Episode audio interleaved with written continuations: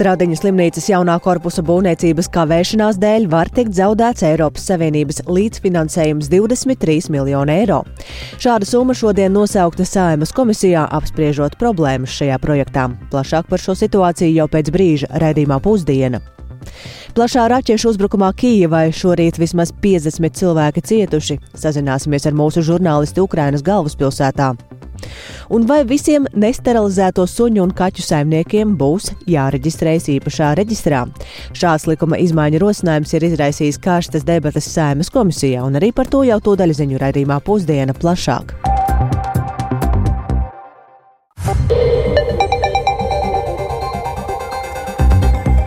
Ir 12,5 minūtes, un skanējuma sāk 13. decembra ziņu raidījums pusdiena, un tajā plašāk par šodien būtisko studijām Dāca Pēkšēna. Esiet sveicināti! Saimas komisijā sāk spriest par pielaidi valsts noslēpumam pašvaldību vadītājiem un izpildirektoriem. Atgādināšu, ka šāds rosinājums ir nācis no valsts prezidenta, un tas, par ko Izvērtās plašākas diskusijas ir, vai mēram, nesaņemot pielaidi, viņš var turpināt pildīt darba pienākumus, kā to paredz likums. Un par to vairāk izstāstīs kolēģis Jānis Kīncis. Sveiks, Jāni! Sveicināti! Iesākumā atgādināšu, ka valsts prezidents Edgars Rinkevičs likuma projektus par nepieciešamību arī pašvaldību vadošajām amatpersonām, mēram, viņa vietniekam un izpildirektoram iegūt pielaidi darbam ar valsts noslēpumu ir pamatojis ar ģeopolitiskajiem apstākļiem. Nav pieļaujami, ka pašvaldību vadošās amatpersonas varētu neatbilst likumā noteiktajām prasībām, lai saņemtu speciālo atļauju pieejai valsts noslēpumam, vai arī nebūtu spējīgs darboties ar aizsargājumu informāciju. Tā varētu būt nepieciešamība arī valsts apdraudējuma gadījumā, kad būtiska loma būtu piemēram pašvaldību civilās aizsardzības komisijām. Šo domu gājienu par pielaidi valsts saslēpumam pašvaldību vadošām amatpersonām saimnes komisijas sēdē papildināja valsts prezidenta padomnieks nacionālās drošības jautājumos Aivars Puriņš pašvaldībās jau šobrīd ir no prakses viedokļa rodās pretruna, kad eh, dažādi gan bruņoties spēki, gan drošības iestādes vēlās veikt kaut kādu eh, būvniecību, kas ir klasicēta valsts drošībai svarīgu. Eh, iepazīties pašvaldības vadītājiem, kāda veida aizsardzības risinājuma, iesardzību plāni viņa konkrētajā atbildības teritorijās. Un pašvaldību vadītājs, ja viņam nav tās pieredzes skaidrs, ka viņš nevar nezināt, neredzēt, kas tur tajā viņa teritorijā tiek plānots darīt. Komisijas sēdē izvērtās plašāka diskusija par rīcību gadījumos, ja kāds pašvaldības vadītājs nesaņemtu pielaidi darbam ar valsts noslēpumu. Atbilstoši valsts drošības dienesta pārstāvis sniegtajai informācijai, piemēram, pērn pielaidi ir atteikta apmēram 10% gadījumu, kad tā pieteikta.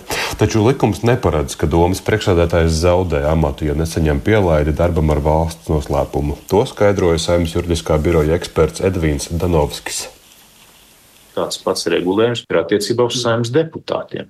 Tad, tad tas nozīmē, ka deputāts, protams, ir tiesīgs prasīt pielaidu valsts noslēpumam, bet tas, ka deputāts, piemēram, nav saņēmis pielaidu valsts noslēpumu, protams, nav iemesls un nevar būt juridisks pamats, lai, piemēram, saimnes deputāts zaudētu savu mandātu. Un tieši tā pati loģika ir arī attiecībā uz domas priekšsēdētāju un domas priekšsēdētāju vietnieku. Ir tālāk ir risināms jautājums vispirms pašai domai.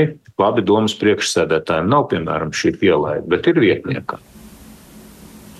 Un uh, vairāki saimnes valsts pārvaldes un pašvaldības komisijas deputāti norādīja, ka šis regulējums būtu jāpapildina un vajadzīgs striktāks risinājums domas vadītājiem pielaides nesaņemšanas gadījumā. Arī tāpēc, ka tieši mēri vada pašvaldības civilās aizsardzības komisijas, kas dažādu apdraudējumu gadījumā būtu atbildīgas, piemēram, par cilvēku evakuēšanu un citiem ārkārtas pasākumiem. Izskanēja arī šaubas par domas deputātu kompetenci pieņemt pamatots lēmumus par rīcību, ja domas vadītājs pielaidi nepieciešamo pielaidi darbam ar valsts noslēpumu nesaņemtu. Tātad šiem aspektiem Saimnes valsts pārvaldes un pašvaldības komisija aicinās pievērsties arī par likumprojektu virzību atbildīgajai Saimnes aizsardzības komisijai. Tātad šīs diskusijas norāda uz iespējamiem papildinājumiem valsts prezidenta rosinātajos likumprojektos. Dace? Jāni, kad ir paredzēts uzdot pašvaldību vadībai, vadībai prasīt pielaidi valsts noslēpumam?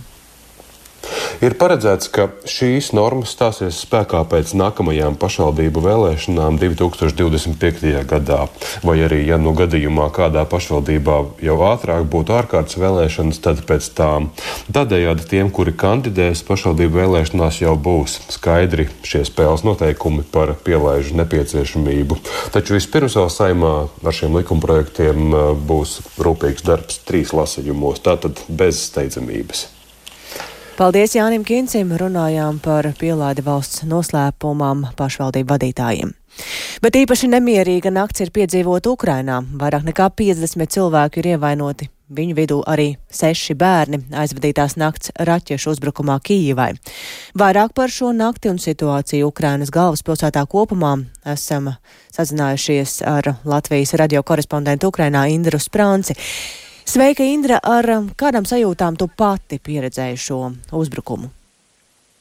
Labdien! Šis uzbrukums, tāpat kā visi iepriekšējie, nāca ar patiešām ļoti nepatīkamām sajūtām, jo īpaši tāpēc, ka arvien biežāk notiek uzbrukumi, par kuriem pirms tam nav, nav paspēts nobrīdināt, proti gaisa trauksmes skan jau pēc tam, kad uzbrukums ir dzirdams visā pilsētā. Līdz ar to pirmais, kas šonakt ap trījiem naktī te Kīvas centrā bija dzirdams, bija tādi ļoti spēcīgi daudz pēc kārtas blīkšķi, tāda ļoti specifiska skaņa, kas, kad pretgaisa aizsardzība triec nost raķetes un kopumā gaisa spēka ziņo, ka šodien notriekuši desmit balistiskās raķetes, bet to tips tiek precizēts. Atlūzas kritušas dažādos Kīvas rajonos, smagi postījumi ir nodarīti Dnipro rajonā, kur cietušas daudz stāv dzīvojamās mājas, sadagušas daudzas automašīnas, sabojāts ūdensvats un virkne ēkas palikušas bez elektroapgādes. Viena liela daudzstāvu dzīvojamā ēka ir palikusi pilnīgi bez logiem. Un tur arī ir visvairāk ievainoto cilvēku. Paklausīsimies divu šo mājas iedzīvotāju stāstīto šorīt Ukrainas vietējām telemaratonām. Я спав і мене разом з дверями, з вікнами винесло в коридор. Es gulēju, un mani reizē ar durvīm un logiem izsita koridorī. Es jau esmu apsaitēts, apsaitēts kā mūmija. Gribu vismaz mājās tikt, kaut vai telefonu atrast. Хоч телефона знайти. Пустили забрати речі, документи, е, тварин. Ielaida paņemt mantas, dokumentus, mājdzīvniekus. Vienu atradām, bet vienu neatradām. Es pat nespēju aptvert. Mēs atvērām durvis, tur viss bija dūmos, elpot nebija ko. Sapratām, ka jāskrien ārā no mājas. Piebildīšu, ka vietējo, vietējie mediji ziņo, ka cietušo cilvēku varētu būt daudz vairāk nekā publiski norādītie 53, jo daudzi, kuriem nebija smagas traumas, viņi vienkārši sagriezās ar stikliem, bija mazāk ievainojumi, viņi nemaz nelūdz palīdzību, bet mēģinājuši paši sev palīdzēt. Uh, kopumā medicīnas iestādē, iestādēs nogādāti ap 20 cilvēkiem, un šobrīd turpinās darbs, lai apzinātu postījumus, kā arī organizētu apmešanās vietu bez mājām palikušajām ģimenēm. Un uh, jau šobrīd zināms, ka viena skola, kas atradās turpat blakus smagi cietušajām ēkām, tagad tiek slēgta. Tur visi bērni turpmāk mācīsies attālināti, bet ēkā izmitinās uh, šo te māju iedzīvotājus, kuriem, kuriem vairs nav kur palikt šobrīd. Nu, tāpat tiek strādāts arī, lai novērstu citus postījumus. Arī elektrības atjaunošana uzbrukumā cietušajos kvartālos sola atgriezt jau pēc dažām stundām. Dace? Tas par aizvadīto nakti, bet ar kādām sajūtām Ukraiņu uztver prezidenta Valdimira Zelenska un Džo Baidena tikšanās rezultātu Pentagons nodrošinās militāro palīdzību Ukrainai vēl 200 miljonu dolāru apmērā, taču tik ļoti gaidītais balsojums kongresā par 60 miljārdu palīdzību Ukrainai visticamāk, nu, vismaz līdz um, Ziemassvētku brīvdienām tā arī nenotiks. Jā, prezidentam Zelenskim Vašingtonā arī tika uzdots diezgan tiešs jautājums, kā viņš vērtē šīs vizītes rezultātus. Uz to viņš atbildēja ļoti, ļoti diplomātiski, ka tikšanās bijušas produktīvas, ka daudz stāstījis par vajadzībām un patiešām ir jutis amerikāņu atbalstu. Taču skaidrs, ka Pentagona nu pat paziņotā palīdzība par 200 miljoniem dolāru nav tas atbalsts, ko Ukraina ir gaidījusi un kas tai šobrīd ir nepieciešams. Ukrainai jau šobrīd frontē ir ļoti smaga situācija, trūkst munīcijas un ASV novēršanās var, varētu tiešām palīdzēt Putinam sekmīgāk īstenot savu nozīmi noziedzīgo iebrukumu Ukrainā. Tāpat zināms, ka savus solījumus šobrīd netur ne, ne tikai amerikāņi, ar savu šo te 60 miljārdu ASV dolāru paketi, kas tika solīta, bet arī, piemēram, Eiropas Savienības valstis, kas bija solījuši līdz nākamā gada martam piegādāt miljonu artilērijas lādiņu, bet jau šobrīd ir skaidrs, ka tas uh, netiks izdarīts un tas netiek izpildīts solītajos apmēros. Tā ka situācija patiešām veidojas ļoti bīstama, taču es uh, šodien arī aprunājos ar dažiem iedzīvotājiem. Nu, viņi nezaudē optimismu. Paklausīsimies! Ну, я розумію, 200 мільйонів, ну це то, мабуть, два дні війни. Es saprotu, ka 200 miljoni tas mums ir divām kara dienām šobrīd. Kāds tur sarūktinājums? Ir tikai cerības, ka nepieciešamais tomēr tiks iedots. Es esmu tāds cilvēks, labi, ka palīdz. Palīdzēs vēl vairāk, būs labāk. Може більше буде краще. Я только надеялась, но результаты видите. Es tikai cerēju, bet rezultāti redziet kādi nav attaisnojušies. Bet es ticu Ukrainas spēkam un domāju, ka viss būs labi. Думаю, что все будет хорошо. Vēl piebildīšu, ka prezidents Zelenskis šorīt arī izplatīja paziņojumu, kurā norādīja, ka Ukraina turpinās strādāt pie aizsardzības spējas stiprināšanas, esot jaunu spēcīgu piegādes līgumu un tiekot strādāts pie piegāžu pātrināšanas. Tāpat tiek domāts par gaisa telpas aizsardzības spējas stiprināšanu, kas, kā parādīja šīs nakts uzbrukums Kīvai, šobrīd ir ļoti svarīgs jautājums Ukraiņu izdzīvošanai. Paldies Indrai Sprancai par um, ziņām no Ukrainas, bet uh, runājot par citu karsto punktu pasaulē, ANO ģenerālās asamblēja ar pārliecinošu balsu vairākumu ir pieņēmusi rezolūciju, kas pieprasa nekavējoties pārtraukt uguni karā starp Izrēlu un teroristu grupējumu Hamas gāzes joslā. Latvija bija to valstu vidū, kas atbalstīja rezolūciju, tikmēr Izrēla un ASV ir bijušas pret un šo rezolūciju ir nosodījušas. Cik saistošs ir šis dokuments un kāpēc Latvija Latvijai ir bijis tieši šāds balsojums, to skaidrojas kolēģis Uldis Tiesberis. Sveiks, Uldi, vispirms, ko tieši paredz šī rezolūcija un kuras valstis bez Latvijas to vēl ir atbalstījušas? Jā, labdien! Nu, protams, jāsāk ar to, ka Gazas joslā turpinās Izraels militārās operācijas pret Hamas, un to rezultātā tūkstošiem civiliedzīvotāju ir gājuši bojā, bet vēl simtiem tūkstošiem ir nācies pamest mājas, un ANO apgalvo, ka humānā situācija Gazā ir ļoti slikta. Tāpēc ANO ģenerālajā asamblējā tika iesniegta šī rezolūcija, kurā ir paustas bažas par, citēju, katastrofālo humāno situāciju Gazas joslā un palestīniešu civiliedzīvotāju ciešanām, kā arī uzsvērts, ka palestīniešu un Izraēlas civiliedzīvotāji ir jāaizsargā saskaņā ar starptautiskajām humanitārajām tiesībām. Nu, šis, te, šis te dokuments nav juridiski saistošs, bet nu, tas prasa tūlītēju humāno pamieru Gazas joslā, aicina aizsargāt civiliedzīvotājus, nodrošināt piekļuvi humānajai palīdzībai Gazā kā arī nekavējoties un bez nosacījumiem atbrīvot visus ķīlniekus. Nu, mēs saprotam, ka šeit ir runa par Hamas sagrābtajiem izrēliešu ķīlniekiem, bet tas šajā dokumentā nav precizēts, lai gan Austrija un ASV bija iesniegušas tādus kā papildinājumus, bet tos noraidīja. Un, Jāsaka, ka lielā mērā šīs rezolūcijas teksts līdzinās rezolūcijai, ko pagājušajā piekdienā ANO drošības padomē bloķēja ASV.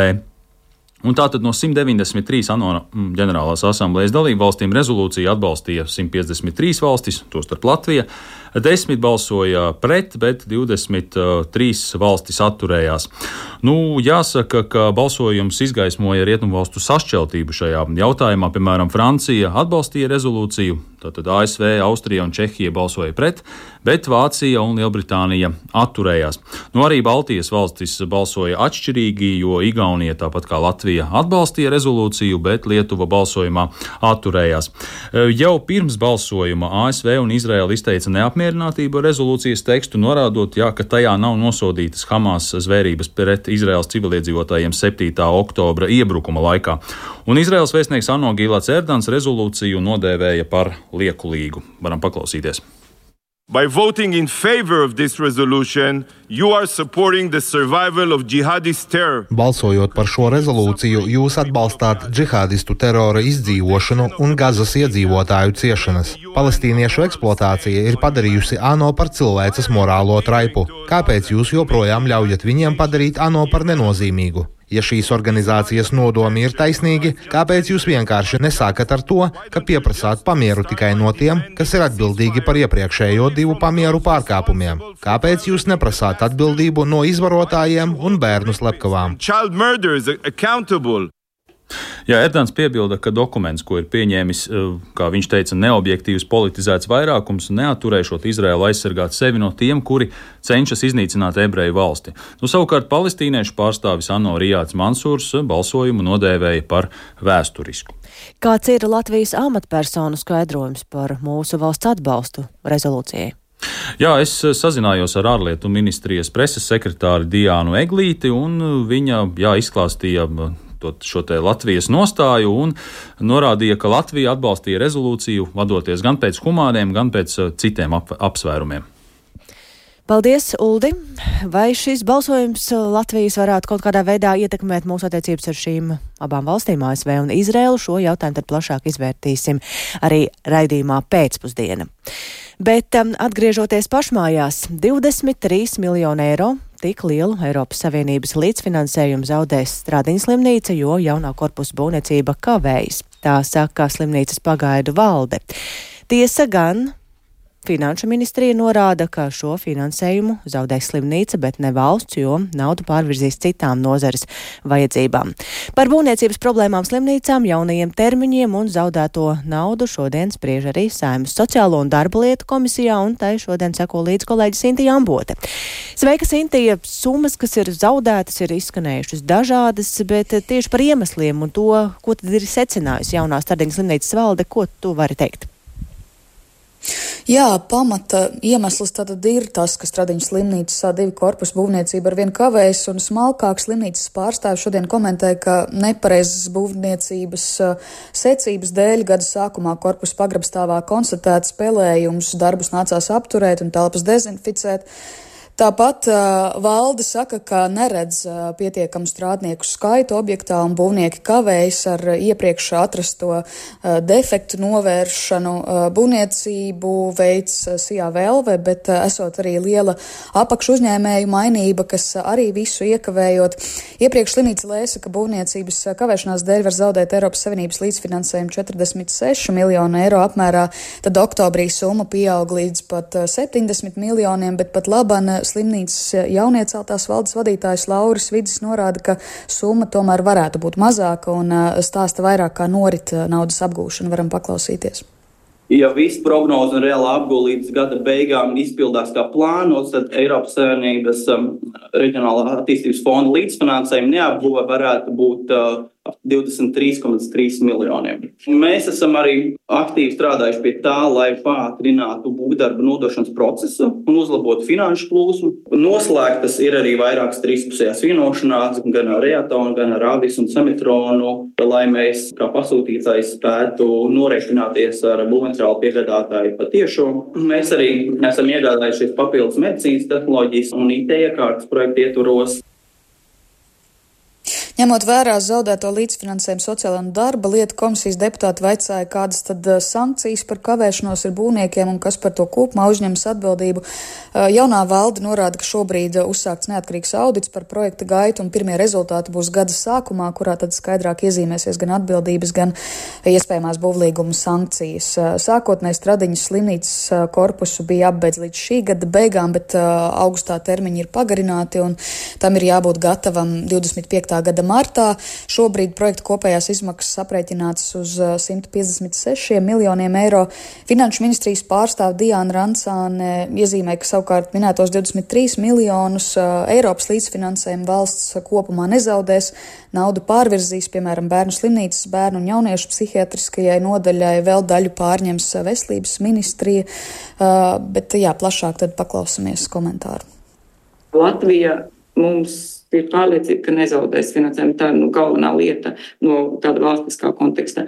Par slimnīcu runājot, nu jā, tas sanāk šim projektam konkrēti nebūtu šis finansējums šī perioda, bet uh, ir rasts risinājums pabeigt projektu ar jaunā perioda finansējumu. Tā ir no vienas puses laba lieta, gan Eiropas komisija devusi iespēju visām dalību valstīm, saklausot šo te globālo faktiski situāciju, daudzām valstīm ir šie te infrastruktūras būvniecības projekti īpaši kavējumi. Protams, tā blakna un tā negatīvā lieta ir tas, ka nu, to iespēju jaunajā periodā jauni daudziem citiem projektiem paliek mazāk. Dace?